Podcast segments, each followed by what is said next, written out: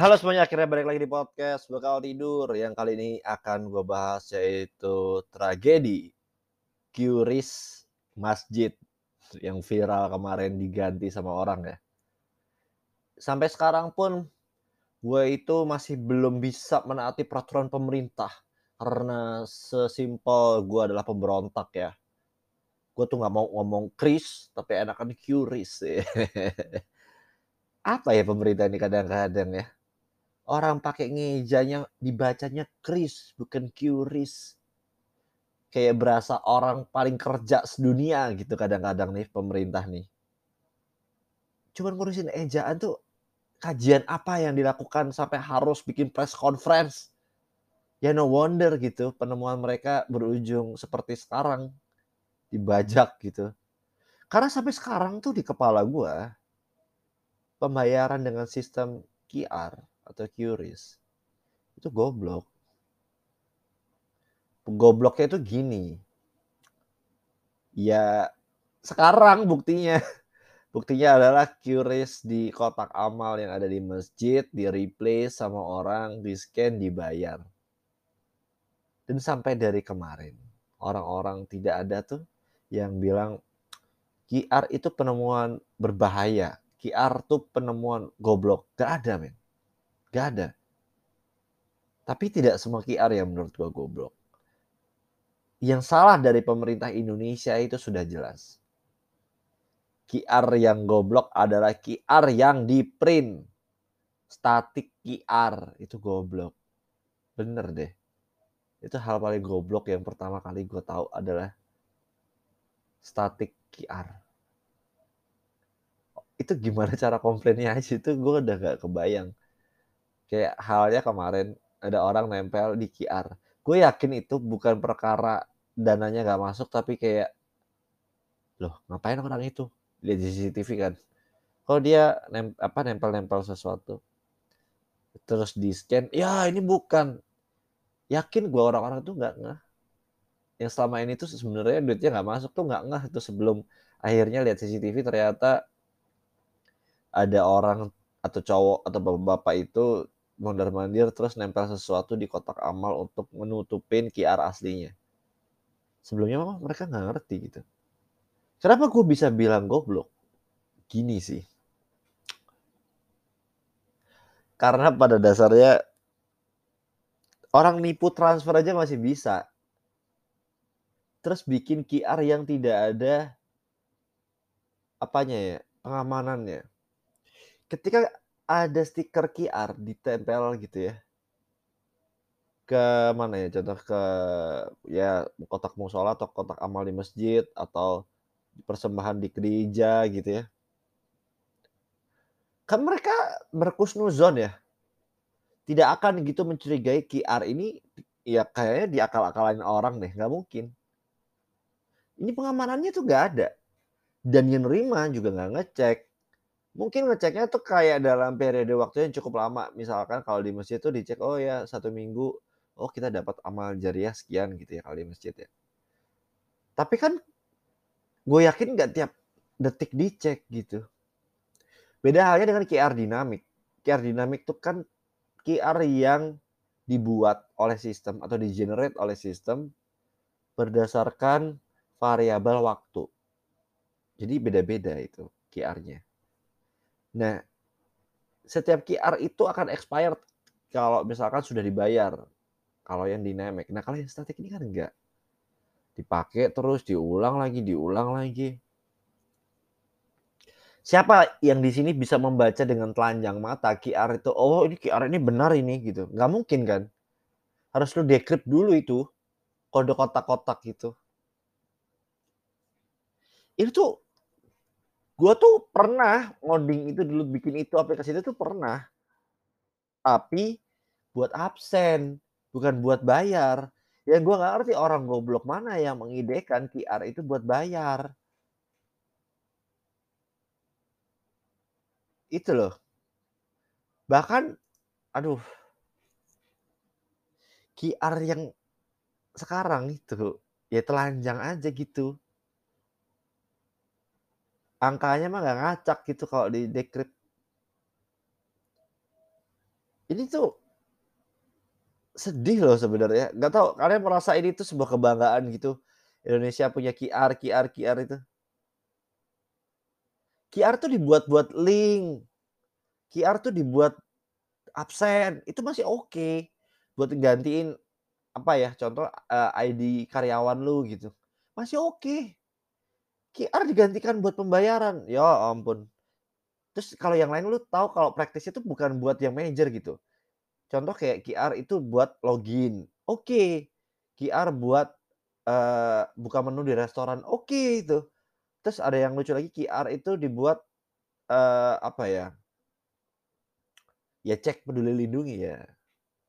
Oke, itu masih oke. Tapi yang anjing adalah QR buat payment, gue nggak ngerti sih. Di kenapa gitu harus disebarluaskan? Ya tapi kan di luar negeri sana ada, iya tahu ada gitu. Tapi kan bukan ditempel, ngerti nggak sih anjing? Ini gimana sih orang-orang ini? Mentang-mentang Indonesia itu orang-orangnya kan banyak yang di garis kemiskinan ya, di bawah garis kemiskinan, terus juga orang yang di bawah garis standar pendidikan tuh banyak juga. Tapi gue tuh sedih gitu kalau kayak gini tuh dianggap sebagai komoditas atau tempat orang mencari cuan. Brengsek nih orang-orang gini nih. Pemerintah harusnya tegas gitu, dilarang lagi ada QR payment melalui, eee, apa namanya stiker, itu harusnya dilarang. Katanya Bank Indonesia melindungi, mana? Kalau mereka sepenuhnya melindungi, mereka tahu kok produk ini jelek.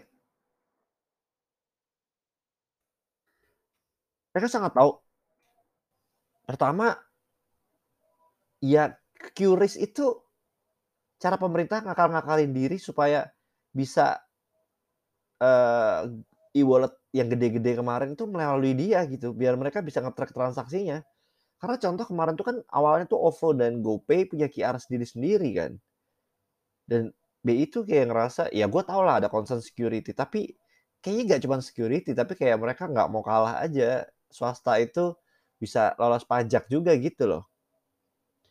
Yang paling kampret kan akhirnya dibuatlah eee, Link Aja. Link Aja juga apalah produk apa itu Link Aja, gue nggak ngerti. Produk akal-akalan gabungan BUMN yang gue nggak ngerti bahkan sampai sekarang gunanya apa. Nah, gue nggak ngerti nih buat orang-orang BI yang in charge ya, kalian tuh nggak boleh tersinggung loh kalau dikata-katain gini. Digaji sama pajaknya rakyat kok. Yang gue tanya sama teman-teman yang ada di BI ya, apa isi otak kalian mengiyakan QR tuh di-print? Loh, tapi kan aman melalui PIN, goblok tuh kalau ada yang ngomong gitu tuh.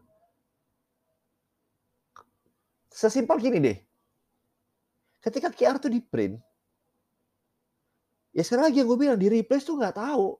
Ini nggak ada orang BI yang dipenjara karena kelalaian tidak membuat peraturan ini nih. Orang BI itu megah-megah loh hidupnya, mewah-mewah loh. Ada kerugian finansial seperti ini tuh mereka tidak pernah dimintai pertanggungjawaban. Ini nggak seru. Kasihan sama konsumen. Mana lembaga perlindungan konsumen kalau kayak gini? Kok nggak ada tuh pergerakan? Ini sebenarnya tidak ada melindungi konsumen sama sekali ketika ada QR stiker. Itu bodoh men. Bodoh banget. Dan gue nggak ngerti ya, apakah para merchant-merchant QR yang stiker itu selalu diinfokan, "Pak, maaf mohon diganti periodik berkala ya, ini karena QR-nya kalau setelah ditempel hanya berlaku satu minggu." Ada nggak sih aturan gitu bangsat? Goblok lu ya. Ini bahaya loh.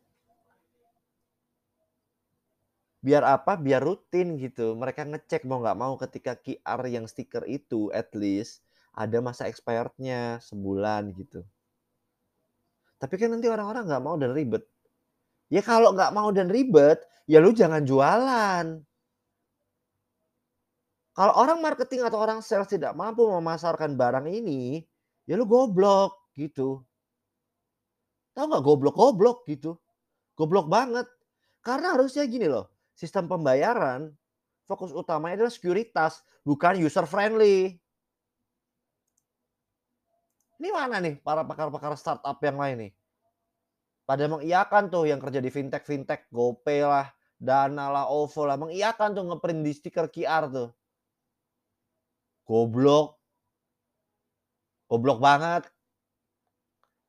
Pegawainya goblok-goblok nih, gak ngerti gue. Dua-duanya salah, banknya salah, yang e-wallet juga salah, pemerintahnya juga salah sebagai lembaga untuk bisa melindungi konsumen ini, baik di BI atau lembaga perlindungan konsumen. Salah ini. Ya gue tahu gitu. Mereka juga pakai QR tuh karena iming-iming quote unquote MDR 0%. Buat yang nggak tahu MDR itu merchant discount rate. MDR-nya itu 0%. Jadi misalkan ada orang nyumbang sejuta, selama itu peruntukannya untuk charity, tidak dipotong biaya speser pun sehingga sejuta tetap masuk sejuta. Sedangkan kalau debit kan biasanya MDR-nya 0,5 persen, 0,4,5 segala macam lah gitu lah. Tapi masih ada charges-nya. Sedangkan kalau MDR-nya QR untuk segmen tertentu seperti uh, charity 0, 0 persen atau uh, usaha mikro 0, 0 persen setahu gua. Oh iya ya makanya mereka pakai ya. Inilah akal-akalan pemerintah Harusnya yang digunakan mah sama-sama aja gitu. Debit 0,5%. Kris bisa 0%. Apa bedanya? Backbone-nya mah sama-sama aja gitu. Buat merchant yang mau apply gitu EDC lo dibego-begoin, gua kasih tahu aja itu akal-akalan buat nyari untung. Loh, Bukannya nggak apa-apa ya bank mendapatkan untung dari sana. Nggak salah. Tapi maksud gua kita sebagai konsumen harus lebih pinter. Mereka punya hak kok menentukan MDR itu. Tapi dengan menurunkan itu jadi 0%, dengan konsekuensi tidak lebih secure daripada debit card, itu adalah harga yang tidak harusnya dibayar. Karena developernya juga sama-sama ribetnya gitu loh, implement si QRIS itu. Ini bodoh sih menurut gua sih. Ya udah aja gitu debit di 0%-in. Pertanyaannya, apakah ada debit yang di 0%? Ada. Itu dilakukan sama BCA melalui prinsipal BCA card-nya dia. Yang sampai hari ini Bank BUMN mana pun tidak mampu melampaui BCA. Yang bilang gua nggak tahu, gua tonjok-tonjokin lu. Pemerintah itu gitu. Otak itu lemot gitu. BCA sudah melakukan itu bertahun-tahun, 10 tahun gitu ya. Gak diimplemen-implemen. Sampai punya BCA card segala macam. Akhirnya ada GPN. GPN juga masih mahal. Terus ngapain gunanya prinsipal kalau masih mahal? Kayak macam GPN bisa dipakai di transaksi luar negeri aja gitu. Ini tuh yang gue sesalkan dengan QRIS itu juga 0 persennya itu yang menyelesaikan solusi, tapi untuk model produknya ini nih yang masalah, nggak secure. Ini menyedihkan menurut gue. Dan lebih menyedihkannya lagi banyak anak muda anak muda bodoh yang gampang banget menggunakan QR. Gue tidak bilang nggak boleh, gampang. Gampangnya apa? yang nge-scan QR yang di stiker. Kalau lu nge-scan QR melalui EDC, gue masih oke. Okay. Masih oke okay gue. Kalau yang stiker nih loh, anak muda goblok nggak kritis, nggak ngerti gue. Dan yang lebih anjingnya lagi ya, kalau lu tahu ya. Kalau misalkan nih ada yang pura-pura nanya ya nih, kayak contoh ke gue. Bang kok bisa sih bang? Itu 0% itu 0, tidak 0% ketika ada bank mana pun BUMN atau swasta atau lembaga finansial mana pun yang terkait dengan funding ya bukan lending. Funding itu menggunakan dana tabungan bukan dana yang dipinjamkan melalui kredit.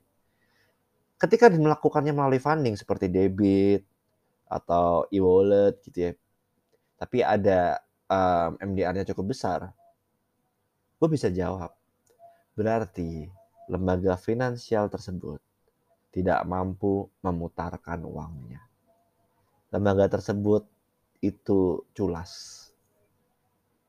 Ya mungkin ada karena ketidakmampuan dan keculasan ya. Ini bisa bisa dua nih. Kenapa ketidakmampuan? Karena gini. Ketika bank sudah mempunyai dana murah seperti e-wallet yang lu dibodoh-bodohin mau aja setor itu, mereka sebagai institusi perbankan meminjamkan uang tersebut sebagai kredit ke orang lain dengan bunga yang variatif, ada yang tinggi, ada yang rendah. Gue nggak bisa bilang tinggi semua, nggak juga. Tapi sekali lagi, yang paling banyak harusnya adalah kredit dengan bunga yang tinggi untuk dari sisi uh, marg apa ya hmm, quantity orangnya gitu jumlah orang yang uh, meminjam karena apa orang Indonesia itu banyak banget yang gak mau ribet gak mau ribet padahal ya gak kaya kaya banget makanya minjem kan ngambil bunga yang paling tinggi tapi tanpa anggunan gitu misalkan. Ya itu. Nah, uang lu yang di QR tadi itu dipinjemin ke sono. Ah, enggak juga ah. Loh, gini loh.